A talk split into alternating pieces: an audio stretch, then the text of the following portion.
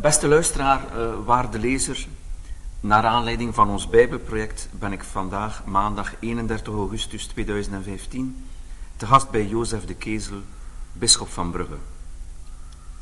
Jozef, je hebt er al een lange kerkelijke carrière op zitten, in grote lijnen geschetst. Na je studies filosofie en theologie in Leuven en in Rome werd je tot priester gewijd in 1972, aangesteld tot bisschoppelijk vicaris in Gent in 1992 en daarna tot hulpbisschop in het aartsbisdom Mechelen-Brussel in 2002 en later tot bisschop van Brugge in 2010. Ik lees in bepaalde interviews met jou dat die periode in Brussel je bijzonder heeft aangegrepen.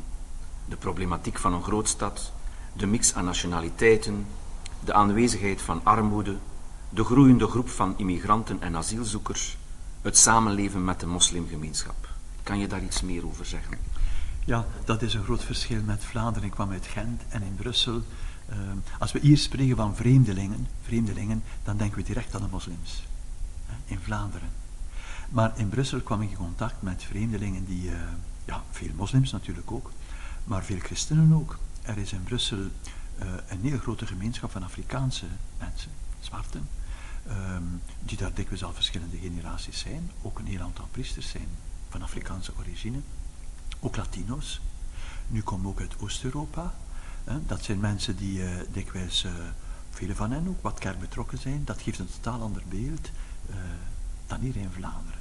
Waar we toch in een, dat is nu zeer sterk aan het veranderen, maar de situatie toch veel monocultureler is dan, dan in Brussel. En ik, ik heb dat altijd ervaren, gaandeweg, als een enorme rijkdom. Uh, België, of beter Europa, kent andermaal een gigantische vluchtelingengolf.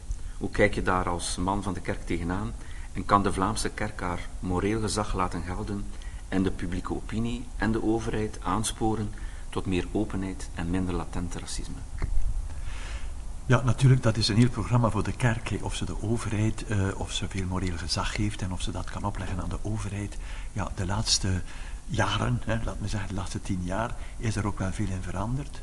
Ik denk ook dat in de publieke opinie vandaag en ook bij de politieke verantwoordelijkheden, verantwoordelijken de migratieproblematiek toch in een positiever daglicht komt te staan dan enkele jaren terug. Er is een grotere, denk ik, met wat we nu vandaag zien, niet alleen economische vluchtelingen, maar mensen die uit Syrië uh, bijvoorbeeld vluchten, omwille van oorlogsgeweld, dat ze toch dat de publieke opinie meer geneigd is om uh, daar positiever op te reageren dan enkele jaren terug, pakweg enkele jaren terug, waar de enige, het enige antwoord is alles doen om ze hier buiten te houden. Maar ik ben er absoluut van overtuigd, ten eerste, dat is onvermijdelijk. Ja? Uh, dat heeft altijd bestaan. Zolang het hier veel beter is en geen er bijna niet te leven, zullen er mensen naar hier komen. Daar is niets aan te doen. Dat heeft altijd bestaan, een soort Ehm, ook het, op het einde van het Romeinse Rijk heeft dat getoond. De, de volksverhuizingen zijn hier, hebben hier de populatie totaal veranderd. Ik denk dat dat onvermijdelijk is hier ook. Dus je moet daar positief op reageren. En ik hoop dat de kerk, haar steentje, ik zou niet zo sterk spreken van dat wij nu moeten gaan zeggen aan de politiekers wat ze moeten doen, maar dat de geloofsgemeenschap en mensen die werken in de kerk, dat ze echt een steentje kunnen bijdragen om dat probleem. Zeer actief van. Nu doet ook, nu de overheid een beroep, niet alleen op Oceaan Wees, maar ook op privé-initiatief. Uh, maar kan de kerk met haar gebouwen en haar middenveldorganisaties daar ook uh, actiever in worden? Absoluut, maar ik ben wel akkoord, de politiekers zeggen ons dat, en ook de, de mensen die op het terrein zijn, dat men uh, moet opletten van dat geen puur privé-initiatief te doen, maar altijd aan te sluiten bij een OCMW of bij een instelling die daar verantwoordelijkheid voor kan opnemen. Ik denk dat dat veel beter is. Maar daar moeten we zeker onze mensen toe oproepen. Ja. Oké, als bischop heb je wellicht ook uh, contacten met de islamitische imams in België. Kunnen zij weerwerk bieden aan de wereldwijd om zich heen grijpende extreme ideologie van islamitische staat? Beter gekend bij ons hier als IS. Um, ja, zie je tekenen dat er in het Westen zich, net zoals bij het christendom, een secularisatieproces zich doorzet in het islamgeloof? Ja, dat laatste, dat weet ik niet. Dat, dat is zeker, dat, dat is beginnend. Ook dat is onvermijdelijk. Als ze hier binnenkomen in onze cultuur, zal ook de confrontatie gebeuren met deze cultuur, seculiere cultuur. Maar uh, of, dat, uh, of dat nu al zeer, zeer ver gevorderd is, dat weet ik niet. Ik had in Brussel wel contact met sommige imams, maar u moet weten, deze contacten zijn niet zo diepgaand. Veel van die imams spraken in het beste geval een beetje Frans, waren hier ook niet lang, of zijn hier ook niet lang, komen uit Saudi-Arabië of elders.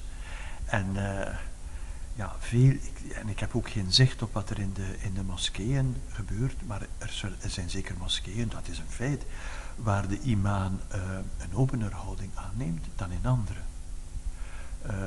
Maar ik denk dat toch, ik zou toch van de, van de islam een duidelijker, een duidelijker, scherper, uh, dat, dat is wel zo, hè, dat gebeurt wel, maar van IS toch een duidelijker afstand. Ja.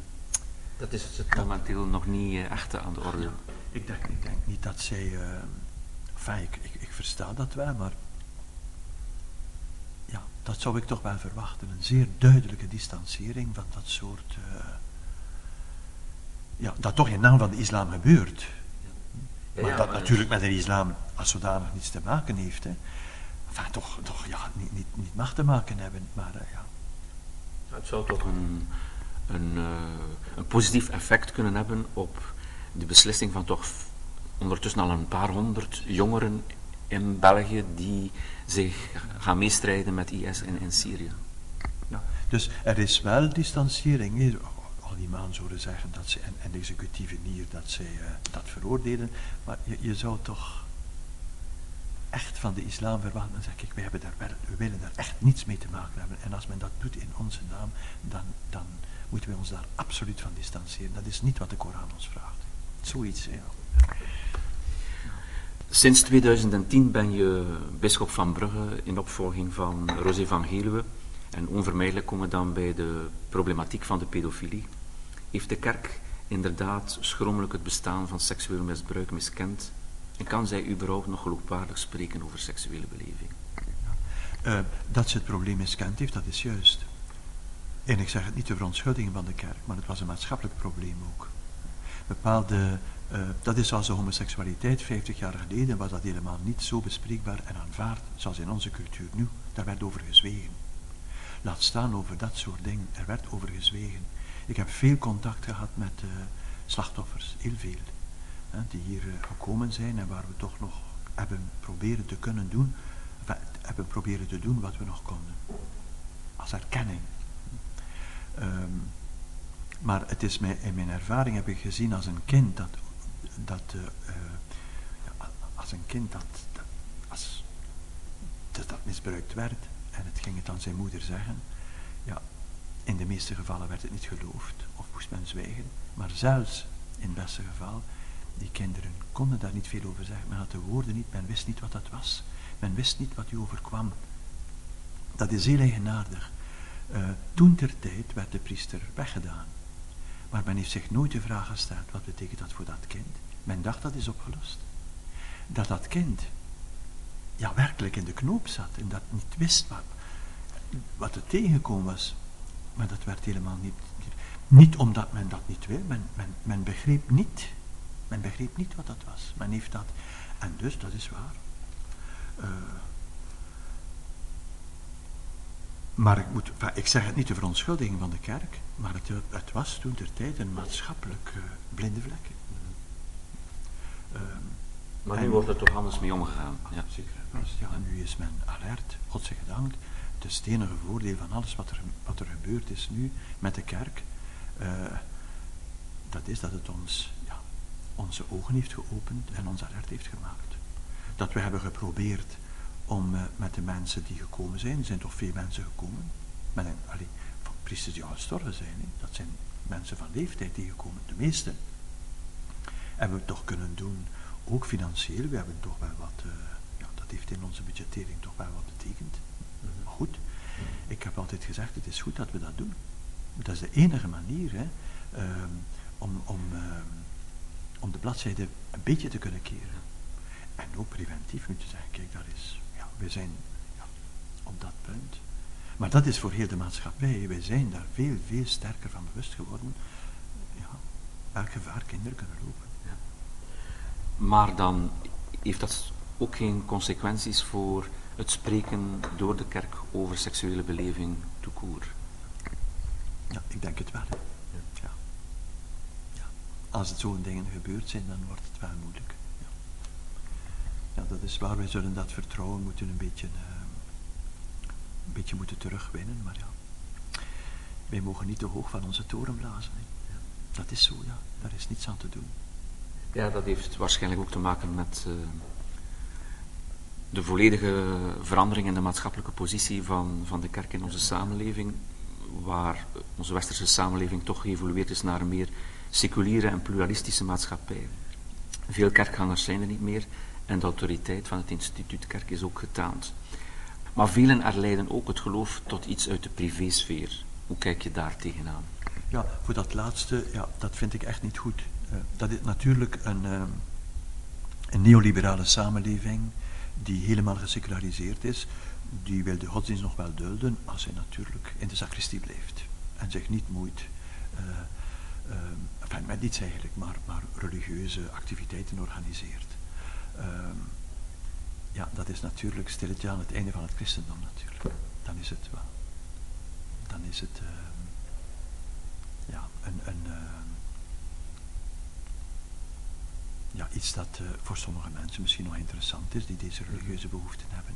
Maar uh, ik ben er vast van overtuigd, het evangelie, het christendom, ik, en misschien godsdienst koer, maar in elk geval wat mij betreft het christendom, dat het niet alleen te maken heeft met mijn uh, privébehoeften, maar ook met, ja, het evangelie zegt ook iets wat betekent niet alleen leven, maar ook samenleven. En dus maatschappelijk relevant. Natuurlijk niet om te zeggen hoe de maatschappij zich moet, maar binnen die maatschappij, dat is een actief pluralisme. Kan het christendom ook iets betekenen? Natuurlijk zijn we daar niet om de lakens uit te delen. De, de tijd dat ja, cultuur en, en, en geloof samenvielen, dat we hier een christelijke cultuur hadden en beschaving, zoals eeuwen hier in West-Europa, in het Westen, ja, dat is voorbij. Ja. En dat is de, voor mij de grote uitdaging van de kerk. Zij, moet, uh, ja, zij probeert haar plaats te vinden uh, in zo'n samenleving, maar toch wel uh, als een constructieve bijdrage in het maatschappelijk debat. Dus toch zie je in deze samenleving niet direct het einde nabij van, van het christendom. Uh, welke tekenen van hoop zie je? Kijk, uh, veel tekenen van hoop, dat is moeilijk om te zeggen. Nee, wat, wat heeft er toekomst? Er voor mooie dingen. Uh, ik moet toch eerlijk zeggen dat er nog een heel aantal mensen betrokken zijn met de kerk, als men dat zou zien. Hè, wat er allemaal gebeurt in en rond de kerk. dat is niet niets, hè, dat is een van de grote. Ja, dat, dat, dat, er zijn niet overal tekenen van een verlies aan vitaliteit. Maar ik kan het mij niet voorstellen, maar natuurlijk, ik ben geen uh, profeet. Hè. Uh, maar uh, dat het christendom zou verdwijnen, zelfs niet hier in West-Europa, waar het.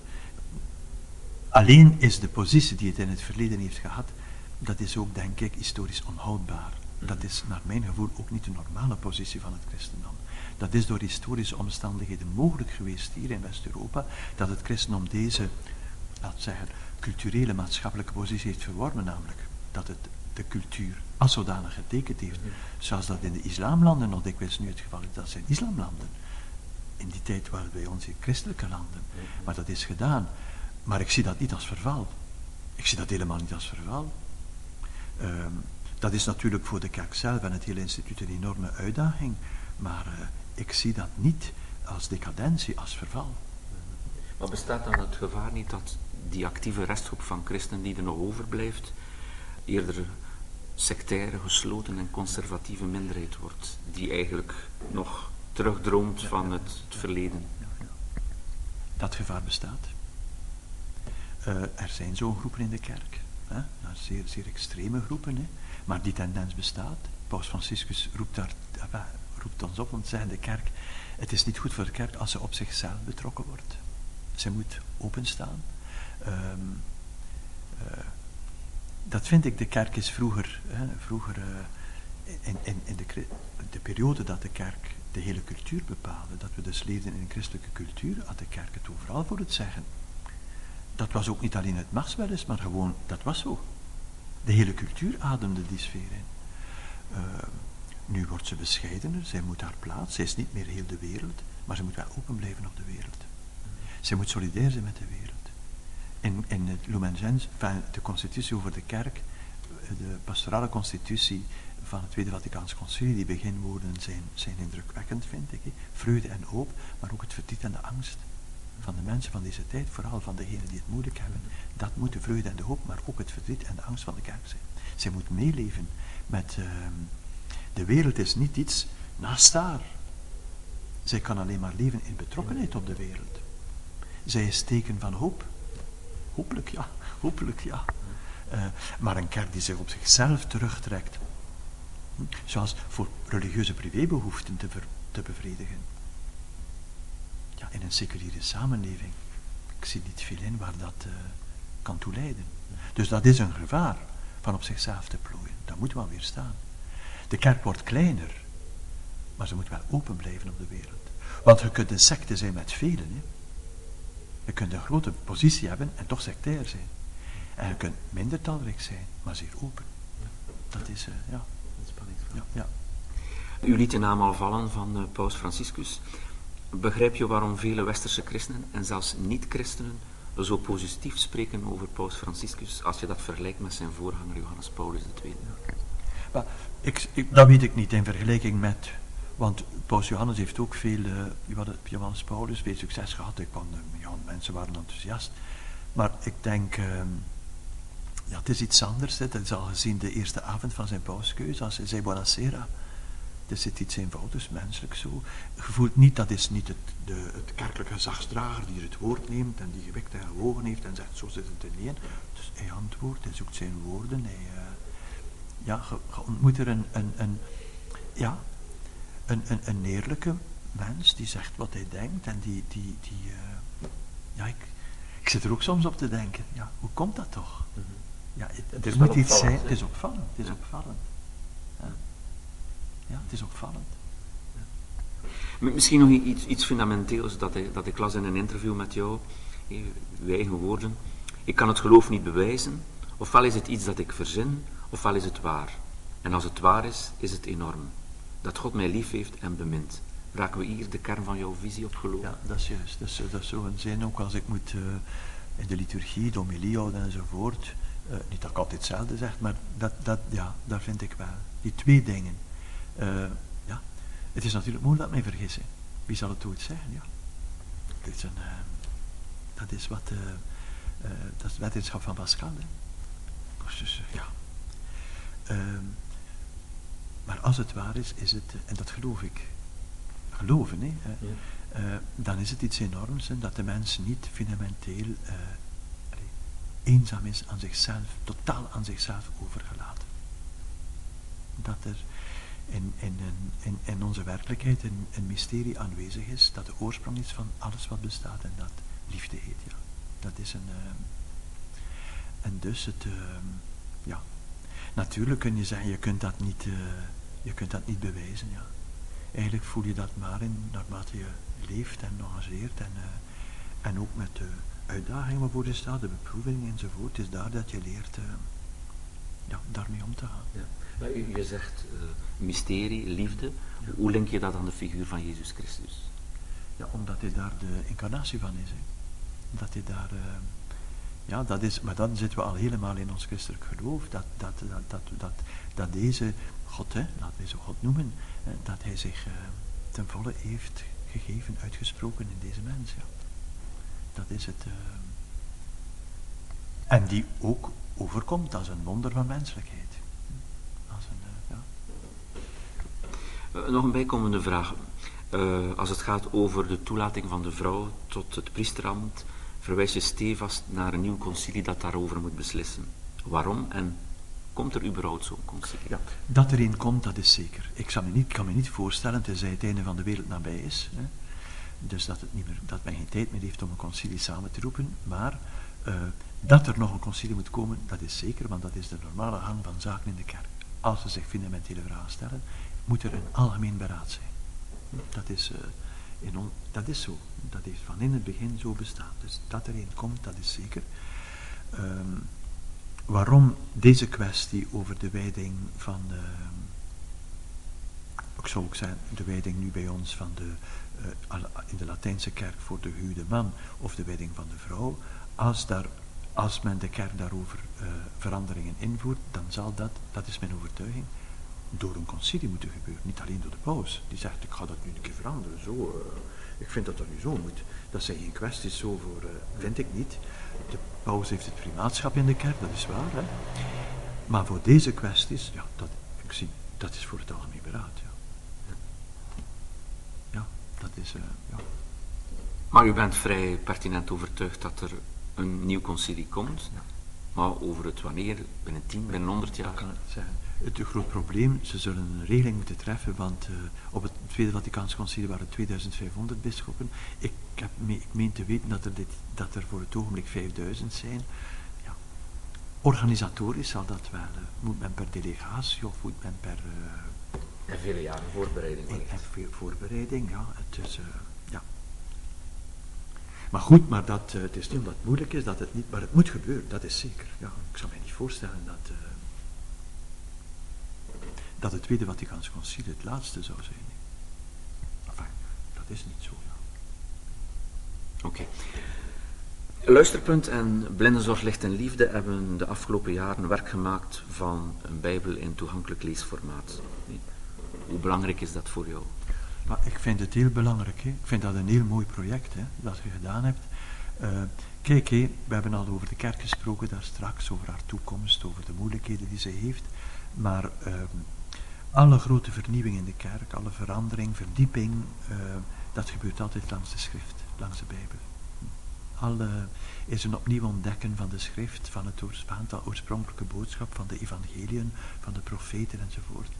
Dus, dit toegang, dus dat vind ik op zich zeer belangrijk, het toegankelijk maken. Uh, langs het geschreven woord, maar voor mensen met een uh, visuele beperking of die, die blind zijn, die niet zien, dat dit voor hen ook kan opengemaakt worden door uh, het initiatief dat je genomen hebt. Ja, dat is gewoon, dat is belangrijk. Omdat dat een, een middel is waarin ze ook participeren aan het leven van, van, van, van medechristenen en, leven van de kerk, dat is een middel om, om erbij te zijn. Ik vind dat wel voor hen. Voor ons project hebben we ons gebaseerd op de Willybrood-vertaling van 1995. Welke zijn de verdiensten van die specifieke vertaling? Ja, de Willybrood-vertaling is een katholieke vertaling. Um, er is uh, enkele jaren nadien, 2004 geloof ik, de nieuwe Bijbelvertaling, die is ecumenisch veel van de medewerkers van de katholieke, van de Willebrood-vertaling hebben ook meegewerkt aan die vertaling. Is die beter, die laatste? Ik ben daar niet mee akkoord. Ze is ook niet slechter. Um, maar beter niet. Het is een illusie van te denken dat negen jaar nadien dat de vertaling oneindig veel beter is. Um, maar de Willebrood-vertaling is een gezagvolle vertaling. Uh, in, in een Nederlands dat goed leesbaar is, maar trouw aan de grondtekst. Uh, met zeer goede voetnoten en bijzonder ook zeer goede inleidingen op elk Bijbelboek. Wat toch zeer precieus is als iemand een Bijbelboek leest en je, je, je, je, je wilt dat een beetje verstaan. Sommige profeten bijvoorbeeld, uh, ja, dan heb je toch beter wat een beetje achtergrond. En ook bij de. Het is een, uh, ja, het is een van de beste vertalingen die in het Nederlands taalgebied. Ik vind het een prestatie voor ons klein taalgebied dat we toch beschikken over, over zo'n goede vertaling waar veel mensen hebben, allemaal competente mensen hebben aan meegewerkt. Mhm. Kan je iets meer zeggen over het onderscheid tussen het Oude en het Nieuwe Testament? Uh, um, er is natuurlijk een verschil. Het Oude Testament, dat is wat Jezus noemde de schrift. Want je moet je goed voorstellen, Mohammed, de, de, de moslims hebben een Koran. Daar is ook sprake over Jezus en over Maria en over sommige profeten enzovoort. Maar ja, Mohammed heeft die uh, op ingeving geschreven. Het christendom heeft dat nooit gedaan. Wat wij in het Oude Testament lezen, mensen vergeten dat soms, dat is wat in de synagoge ook gelezen wordt. Alleen het laatste deel, wat het kleinste is, helemaal niet zo omvangelijk als het Oude Testament, wat wij nu het Oude, maar wat eigenlijk oorspronkelijk de schrift was dat is hetzelfde. Ik was goed bevriend met, uh, ben nog, uh, met de grootrabbijn in Brussel. Die heeft mij dat dikwijls gezegd. De psalmen, de profeten, Deuteronomium, Exodus. Het zijn dezelfde teksten die we allemaal... En ik ben ervan overtuigd dat in, als ik het woord neem in de synagoge, dat ik dikwijls veel dingen zeg die hij ook zegt. Een beetje verder in de kathedraal. Uh, men heeft soms het, het, het Oude Testament, dat is nu afgewand. Het woordje oud is natuurlijk, uh, ja, geeft de connotatie van verouderd. Um, maar is er een verschil in godsbeeld tussen het Oude en het Nieuwe Testament? Of? Dat zou ik ontkennen. Uh, dat zou ik ontkennen. Je moet de schrift als één geheel lezen en er is een zeker zuiveringsproces. Maar je kunt teksten bij Amos lezen of Hosea over Gods liefde. Je kunt teksten in Deuteronomium lezen over wat de zorg voor de armen, voor de weduwe en hoe God aan de kant staat van de zwakken die, uh, ja, die het evangelie zijn in, in pure vormen. Ja. Uh, dus, en je kunt in het Nieuwe Testament lezen waar God zeer, zeer streng is. Ja. Zeer, zeer streng. Dus ik zou. Uh, ja, de relatie is heel subtiel door oud en nieuw, maar het is één boek. De Bijbel is één boek. En uh, het laatste over Jezus is de sleutel om het geheel te verstaan. Ja. Maar je kunt, die sleutel, je, je, je kunt Jezus niet verstaan als je heel de geschiedenis en traditie van Israël niet kent. Maar voor ons christenen, dat zullen de Joden dus niet zeggen, maar uh, voor ons kun je ook maar die traditie, die lange traditie, eigenlijk valt u frank. Als je de figuur van Jezus ziet. Want ze zijn niet te, te scheiden. Naar welke Bijbelboeken gaat je voorkeur uh, uit? Ja, uh, ja. Uh, bijvoorbeeld, ik, ik vind bijvoorbeeld de eerste brief van Johannes een van de schoonste teksten uit het Nieuwe Testament. Het is daar waar staat, je leest dat niet veel in, in de Bijbel, niemand heeft God ooit gezien. Maar als je elkaar lief hebt, dan kent je God. Dus dat zijn zo, zo van die zinnen dat je zegt. En zo gaat het maar door. Hè. En je kunt niet God, het staat ook, hè, als iemand zegt ik ben, eh, dat hij God lief heeft en zijn broeder haat, dan is hij een leugenaar. Want hoe zou hij God kunnen liefhebben die hij niet ziet, als hij zijn broer die hij wel ziet, haat? Zo. Uh, de eerste Johannesbrief, dat, dat is. Uh, ik heb het ooit eens meegemaakt, hè, na een viering, er waren veel officiële personen, en er was een receptie nadien, en er kwam iemand mee, het was een, uh, heer. Ik zeg, wat was dat toch? Dat was gewoon niet, waar heb je dat gehaald? Ik zeg, uit de Bijbel. Eerste Johannesbrief. Deuteronomium vind ik ook mooi. Deuteronomium, die dus een hernemen is van uh, Exodus en uh, Leviticus, de boeken waar Mozes een beetje. En daar staan teksten in.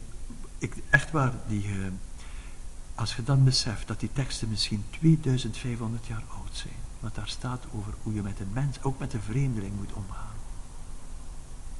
Ja, dat is, mhm. dan zeg je, ja, de menselijkheid, de diepe menselijkheid, ja, behoort tot de mens zelf. Uh, maar voor de evangelie, dus dat, ze, ze zijn zo verschillend. Hè. Johannes, uh, Marcus is korter, is waarschijnlijk het oudste. Misschien een voorkeur voor Marcus. Um, maar van de profeten Amos bijvoorbeeld, dat is zo'n... Uh, uh, Amos die zegt, is er, hij, hij is in het noorden, treedt hij op bij de koning in het noorden, want hij komt uit het zuiden, uit Juda, en hij is kritisch tegenover de, de politieke elite. En ze jagen hem weg. En ze zeggen, hier moet je niet meer profiteren, je zijt geen profeet. En hij zegt, ja natuurlijk ben ik geen profeet. Ik ben een boer, zegt hij. En een vijgenkweker. Maar hij heeft mij geroepen. Van achter mijn dier, mijn beesten, zegt hij. Om in zijn naam te spreken. En dat is een heel scherpe profeet, ja. Dat is een kort, maar ik denk als iemand nog ja, vertrouwd wil raken met het Oude Testament, bijvoorbeeld Deuteronomium en uh, Amos en zo, dat zijn teksten die, uh, ja.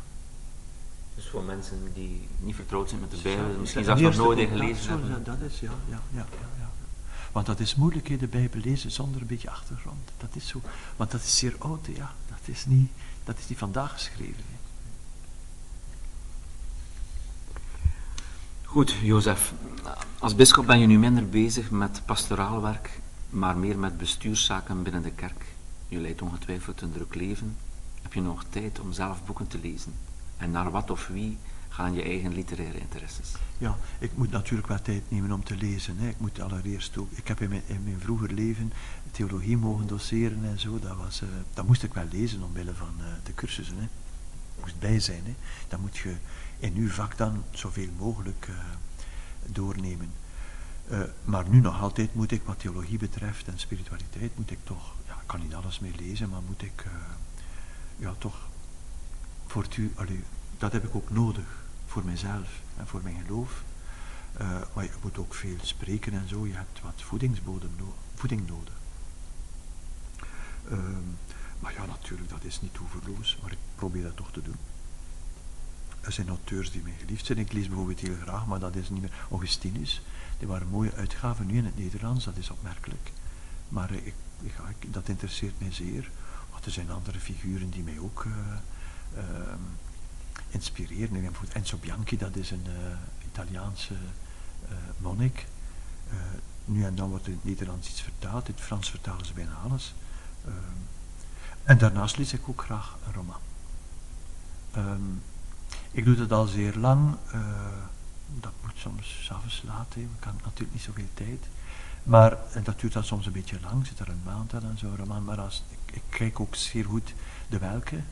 Ik volg een beetje wat er in de recensies geschreven wordt, als het echt goed is. Uh, als er in de standaard vijf sterren of in NRC uh, vijf, dan is dat uh, toch al een zekere garantie.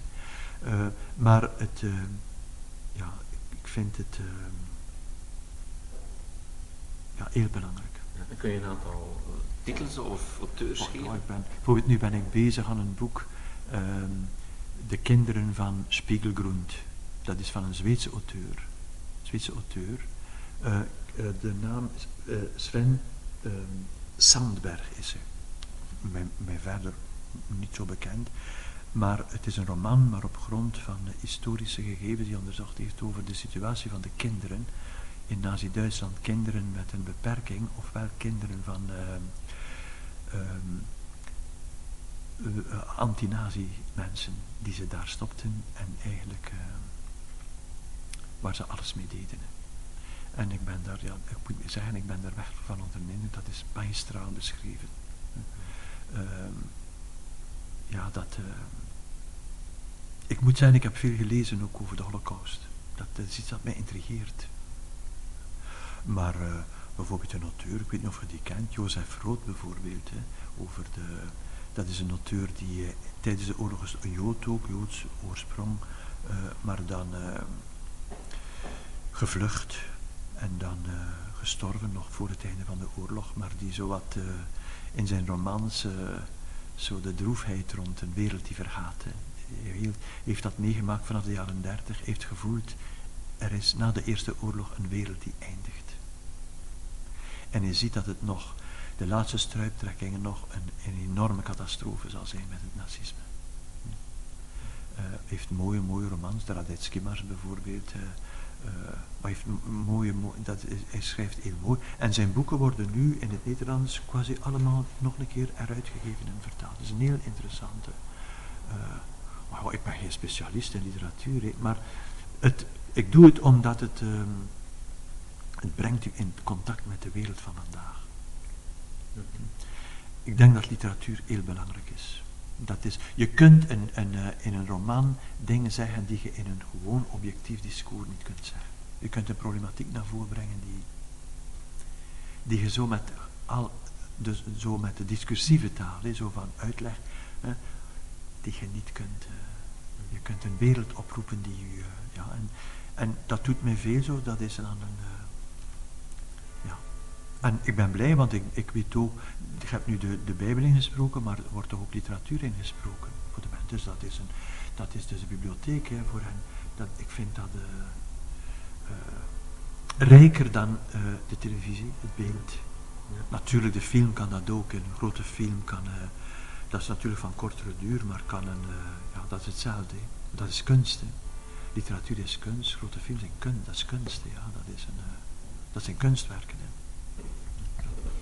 Luisterpunt Bibliotheek bouwt uh, een hedendaagse bibliotheekdienstvereniging uit voor mensen met een leesbeperking, zowel personen met een visuele beperking, blinden en slechtzienden, maar ook voor personen met een andere leesbeperking, zoals kinderen en jongeren met dyslexie. Zij maken gebruik van onze bibliotheek. Heb je nog een boodschap voor onze ruim 4000 lezers die zullen luisteren naar dit nummer van Knetterend Letter waarin uw interview staat? Ja, ik hoop dat ik mij een beetje verstaanbaar heb kunnen maken voor hen, maar ik hoop vooral dat uh, de Bijbel, hè, nu, eh, maar ook de andere literatuur, maar ook de Bijbel, dat ze, het is toegankelijk gemaakt nu, dat ze er inderdaad gebruik van maken. Dat dat toch een, uh, een, een, een, iets is. Ziet je, lezen, nu zeg ik het voor de Bijbel, um, ja, dat is voor hen niet mogelijk. Hè? Maar de Bijbel, om hem goed te verstaan, moet je uiteindelijk niet lezen, maar horen. Het is een woord dat tot mij gesproken wordt. Het is niet een tekst die ik lees, in, zijn bedoeling. Uh, en dat gaat niet, de brieven van Paulus bijvoorbeeld, dat, zijn, dat is geen tekst. Maar ook al de rest, hè, uh, dat staat met grote letters in de synagoge in Brussel. En het is iets wat de Jood elke dag twee keer uitspreekt. Hoor, luister Israël. De Heer is uw God, hij is de enige. En je zult hem lief hebben. Maar het is wel hoor, luister. Het is niet, uh, de fundamentele act van de gelovige is niet het lezen, maar er is iemand die tot u spreekt, het luisteren. Mm -hmm. En in die zin uh, uh, doet men de Bijbel meer dan recht en leidt men aan zijn oorspronkelijke functie als het niet alleen gelezen wordt, maar gesproken. Mooi gezegd. Jozef, tot slot, nu je in Brugge woont, heb je al de weg gevonden naar het voetbalstadion van Club Brugge. Een menig prominente kerkmens uit het bisdom Brugge zie ik regelmatig in het Jan Stadion. Of behoort het helemaal niet tot je interessesfeer? Nee, kijk, dat is, ja, dat is zo, ja, niet, niemand is volmaakt. En dus dat behoort niet tot, uh, ik hoor dat wel en ik doe wel mee mee. Ik weet dat er hier in Brugge wat de rivaliteit, maar ja, de club is natuurlijk een, een, een, een, een de club is de club, hè. Um, en dan heb je de cirkel en zo, ik weet dat allemaal, maar ik, ik hou me daar, uh, ik hou de kerk in het midden. okay. Jozef, dank u wel voor dit interview. Dank u wel, dank u.